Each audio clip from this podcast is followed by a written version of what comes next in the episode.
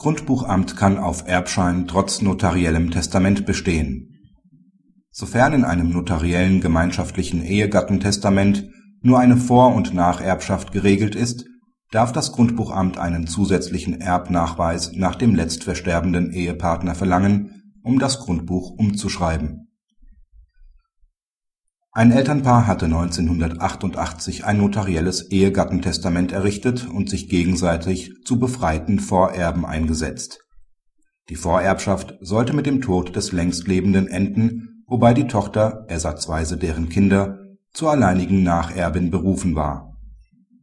1994 verstarb der Vater, 1998 die Mutter. Die Tochter beantragte nach dem Tod der Mutter beim Grundbuchamt, eine auf einem Nachlassgrundstück ruhende Last zu löschen. Mittels Zwischenverfügung wurde der Antrag zurückgewiesen, da das Testament lediglich den Erbgang nach dem erstversterbenden Elternteil regelte. Für die Löschung sei ein weiterer Erbnachweis beizubringen in der dagegen gerichteten Beschwerde trug die Antragstellerin vor, dass im notariellen Testament sehr wohl auch die Erbenstellung nach dem zweiten Erbfall geregelt war. Das OLG weist die Beschwerde zurück und bestätigt, dass das Testament für den zweiten Sterbefall auslegungsbedürftig ist, da diese Erbfolge nicht eindeutig geregelt ist. Diese Auslegungsbefugnis steht dem Grundbuchamt selbst zu. Dazu kann es auch außerhalb der Testamentsurkunde liegende Umstände heranziehen sofern sie sich aus öffentlichen Urkunden ergeben. Die Auslegung scheidet dagegen aus, sofern eine abschließende Würdigung nicht in Betracht kommt oder das Auslegungsergebnis nicht eindeutig ist. Hier setzt die Beschwerdeentscheidung an. Nach § 2100 BGB ist die Anordnung der Vor und Nacherbschaft dergestalt möglich, dass der Nacherbe erst dann Erbe wird, wenn der Nacherbfall eintritt dieser Zeitpunkt richtet sich nach § 2139 BGB. Ohne ausdrückliche testamentarische Regelung tritt mit dem Tod des Vorerben die Nacherbfolge ein. Nach der gesetzlichen Konstruktion beerbt der Nacherbe somit nur den erst verstorbenen Erblasser, nicht hingegen den Vorerben.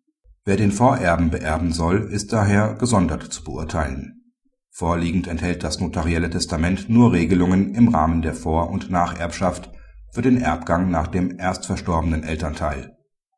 Anordnungen für den Nachlass der nachverstorbenen Mutter fehlen. Das Grundbuchamt ist befugt, die letztwillige Verfügung selbst auszulegen.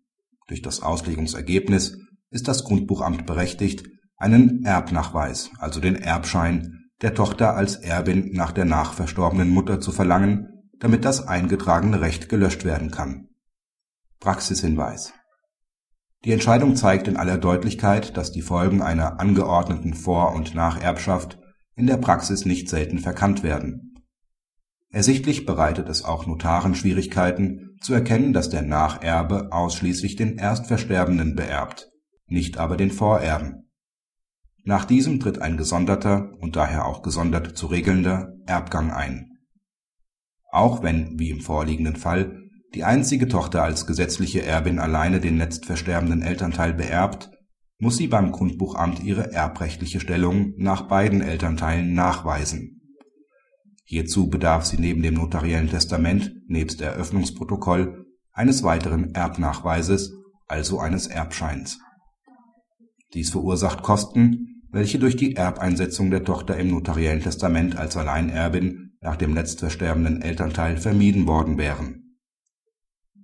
Der erbrechtliche Berater muss auf diese Kostenfolge nach dem Tod des Letztversterbenden hinweisen und sie durch die vorbezeichnete Testamentsgestaltung vermeiden helfen